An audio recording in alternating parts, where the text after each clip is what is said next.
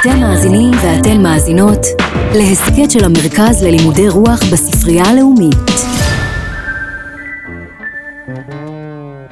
לכתוב שיר זה כמו ללדת. כך מספר לנו יונתן גפן בשיר הילדים האהוב, איך שיר נולד. איך שיר נולד, כמו הצחוק, זה מתחיל מבפנים, ומתגלגל החוצה. שיר שאני בטוח שכולכם מכירים. המון יוצרים ויוצרות כותבים וכותבות על תהליך היצירה שלהם עצמו, על הקסם שעובר מהמוח ומהלב ונשפך אל הדף והופך ליצירה. אצל כל אחד מהם התהליך נשמע קצת שונה. מה הפואנטה? מה הפואנטה? שיעור פרטי בספרות. אהלן, אני עומר, ובפרק הזה נעסוק בארס פואטיקה. שירים או סיפורים שעוסקים בתהליכי הכתיבה והיצירה עצמם. לא, לא, לא ארס בעין, אלא ארס באלף. מילה מוזרה קצת, שמקורה בלטינית והתגלגלה לאנגלית להיות ארט, אומנות. אז בתרגום המילולי, ארס פואטיקה, אומנות השירה. כששיר או סיפור עוסקים במניעים לכתיבה. מתייחסים לתהליך פרסום היצירה או לתגובות של הקהל. או בכלל שואלים למה צריך שירה.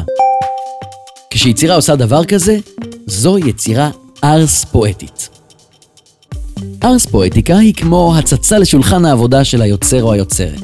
ההצצה היא מטאפורית, לא לפינת העבודה הפיזית של המשורר, לשולחן עם הדפים והמחשב וכוס קפה, אלא מבט למה שמתרחש במוחם ובליבם של משוררים או של סופרות כאשר הם עוסקים ביצירה.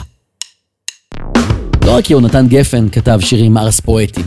מיטב הסופרים והסופרות, המשוררות והמשוררים עושים בדיוק את זה.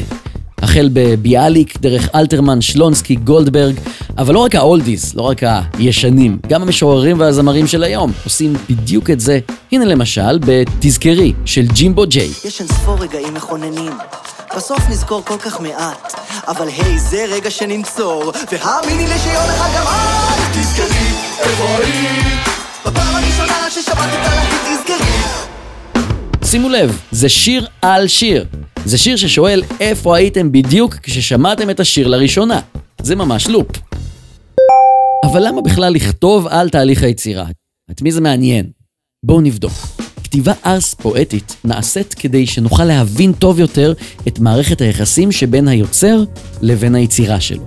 בואו נתחיל מהמשורר הלאומי מביאליק. שימו לב. זה הניצוץ אף ניתז אל עיני, ומעיני לחרוזי. כך ביאליק בשירו "לא זכיתי באור מן ההפקר". מה הוא מספר לנו כאן? הוא מספר שהכתיבה חזקה ממנו. הכתיבה היא כמו ניצוץ שעף מעיניו אל תוך הדף והופך לחרוז על הנייר. זה נשמע כמו משהו שקורה עצמונית, כמעט בלי שליטה. אבל זה לא רק זה, ביאליק מציג לפנינו בשיר גם את מקור היצירה שלו. הוא עצמו. הכתיבה בוקעת ממנו, היא נובעת מתוכו, או אם להשתמש במילים שלו, לא שאילתיר, מאיש לא גנבתיר, כי ממני הביאו. כי ממני ובי הוא. כלומר, הוא לא קיבל את כישרון הכתיבה בירושה, הוא לא גנב אותו מאף אחד, זה פשוט נובע מתוכו. עוד הוא אומר כאן שהכתיבה בשבילו היא תהליך לגמרי לא קל. מדובר עבור ביאליק בעבודה מפרכת ומסורבלת וקשה. במקרה של ביאליק, מערכת היחסים בינו לבין הכתיבה היא מאוד מאוד ברורה. הוא סובל. אבל בואו נבדוק איך זה עובד במקרים אחרים. אצל יוצרים אחרים המצב קצת יותר מגוון. בואו נחזור למשל לשיר שאיתו פתחנו. איך שיר נולד, כמו הצחוק, זה מתחיל מבפנים, ומתגלגל החוצה. אצל יונתן גפן, השיר לפעמים נולד כמו צחוק. ספונטני ומפתיע ומתגלגל לו בקלילות, בלי שום טיפה של סבל, פשוט יוצא לאוויר העולם.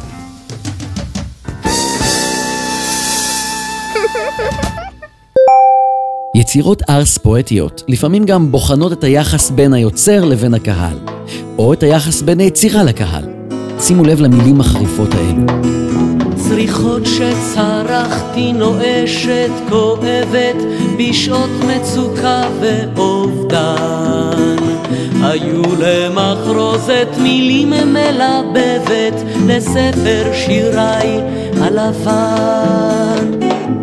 כך כותבת רחל בשיר שנקרא ספר שיריי. שימו לב איך הצריחות הקשות הופכות למחרוזת מלבבת, לספר לבן ונקי.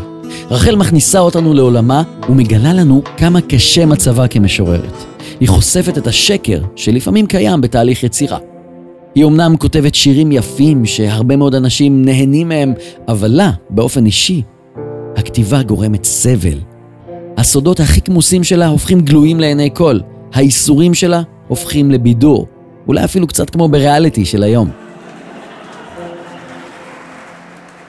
רחל אפילו באה בטענות אלינו הקוראים שמעזים ליהנות מהשירים שלה.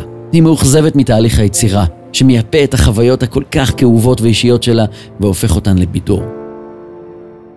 וזו לא הפעם היחידה שבה המשורר מבקר את קהל הקוראים או השומעים שלו. זה למעשה קורה די הרבה. כולם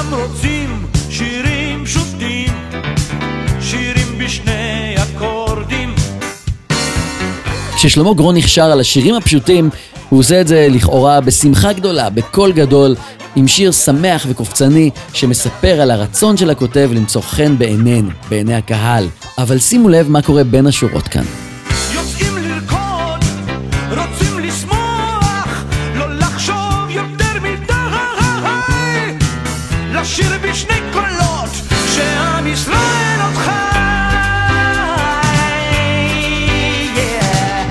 אני אמנם רוצה שתיהנו מהשירים שלי, אני רוצה שתמחאו כפיים, שתרקדו, אבל אל תשכחו שהנאה היא לא הכל. כלומר, הוא אולי אומר לנו כאן שהמדד לשיר טוב הוא לא רק אה, כמות מחיאות הכפיים, או מספרי הלייקים, או הצפיות ביוטיוב, או אחוז האנשים בקהל שקם לרקוד. שירים שמחים לא פותרים בעיות מורכבות.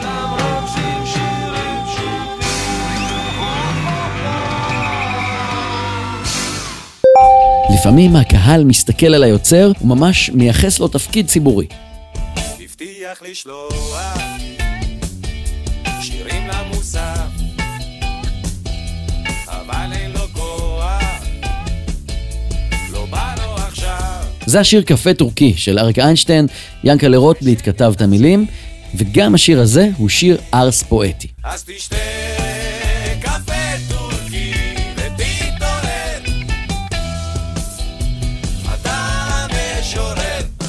המשורר מתאר את התפקיד שלו כאן בעיני הקוראים. כלומר, הוא סוג של נביא. הוא כותב בעיתון, אנשים משתוקקים לקרוא את מוצא פיו, הוא ממש נושא הבשורה.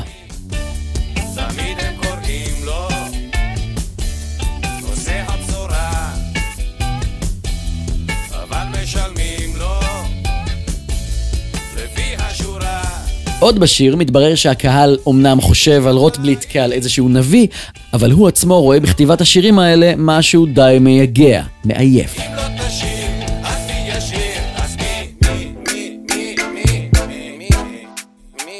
אז הבנו שיצירה ארס פואטית יכולה לבחון את תהליכי היצירה, יכולה להתבונן ביחס שבין הקהל לבין המשורר, או בין הקהל ליצירה עצמה, אבל לפעמים נשאלת השאלה, מה זו בכלל שירה? או, שאלה כבדה מאוד, ומתברר ששירים ארס פואטיים כאן כדי לשאול בדיוק את אותה השאלה. השיר "הצייר מצייר" של נתן זך מנסה להסביר לנו מה משורר עושה כאשר הוא כותב שיר. הצייר מצייר, הסופר מספר, אך המשורר אינו שר. כמו עונות השנה, החום, הקור, הקרח והצחוק של הלב כאשר הוא אוהב. או מים, משהו רחב, בלתי מובן, כמו רוח או אונייה או שיר. הציור הוא עניין פיזי, הוא מוחשי, הוא על הבד, על הקנבס. השיר לעומתו הוא קצת כמו משב רוח. אי אפשר לתפוס אותו, אי אפשר להסביר אותו, ואם כך, האם הוא בכלל קיים? היצירה הארס פואטית עוסקת במהות היצירה. היא מסתכלת באופן פילוסופי קצת על היצירה עצמה, על התוצר שלה, שזה השיר, שזה הסיפור. יש משוררים שלוקחים את השאלה מהי שירה אפילו צעד אחד קדימה. הם קצת כמו מדענים, הם נכנסים למעבדה ועורכים ניסיונות. לא, לא, לא, לא, הם לא מערבבים שם מנטוס וקולה ורואים מה יוצא, הם לא מוצאים חיסון לווריאנט הבא, הם כן לוקחים שירים, שזה לכאורה ערימה של מילים עם קצת ניקוד, כמה שורות שבורות, מתבוננים בהם בזכוכית מגדלת ובודקים אם העניין הזה, אם אוסף המשפטים הלכאורה לא קשורים האלה, יכול להיות שירה. לפעמים התשובה היא חד משמעית לא, מדובר פשוט בגיבוב, בערימה של מילים. לפעמים התשובה היא ממש ממש כן. דוגמה מעולה לזה היא מה שקרה בשירת הסטיקר. שלם דורש שלום, תנו לצה"ל לנצח, עם חזק עושה שלום, תנו לצה"ל לכסח, אין שלום עם ערבים, אל תיתנו להם רובים, קרבי זה אחי, אחי. כשדוד גרוסמן כתב את השיר, שאגב הולחן על ידי הדג נחש, הוא פשוט קיבץ טקסטים מסטיקרים. סטיקרים שאין ביניהם שום קשר לכאורה, אבל זה לגמרי לגמרי עבד. השיר הצליח להביע מחאה, וגם להתקבל באהבה על ידי הקהל והרדיו. הקשר בין הסטיקרים השונים בשיר הזה נוצר כאילו בעצמו, אבל למעשה נוצר בזכות הכישרון של גרוסמן ובזכות ההבחנה המדויקת שלו. השיר עצמו אגב הוא לא שיר ארס פואטי, כמו ששמתם לב, אבל הוא כן מדגים מה קורה כשיוצר שואל את עצמו שאלות על מהות השירה. ואם אתם חושבים שלא התפלספנו מספיק עד כאן, בואו ניקח את זה אפילו עוד שלב הלאה. יש סופרים ומשוררים שלא רק שואלים מהי היצירה, אלא שואלים מה המטרה בכלל של כל העניין הזה, של שירה ושל ספרות, מה התכלית. בבית השלישי של השיר של שימבורסקה, אחדים אוהבים שירה, היא כותבת כך: אבל מה זאת בעצם שירה? לא אחת ניתנה לכך תשובה רעועה, ואני אינני יודעת, ונאחזת בזה כבמעקה גואל.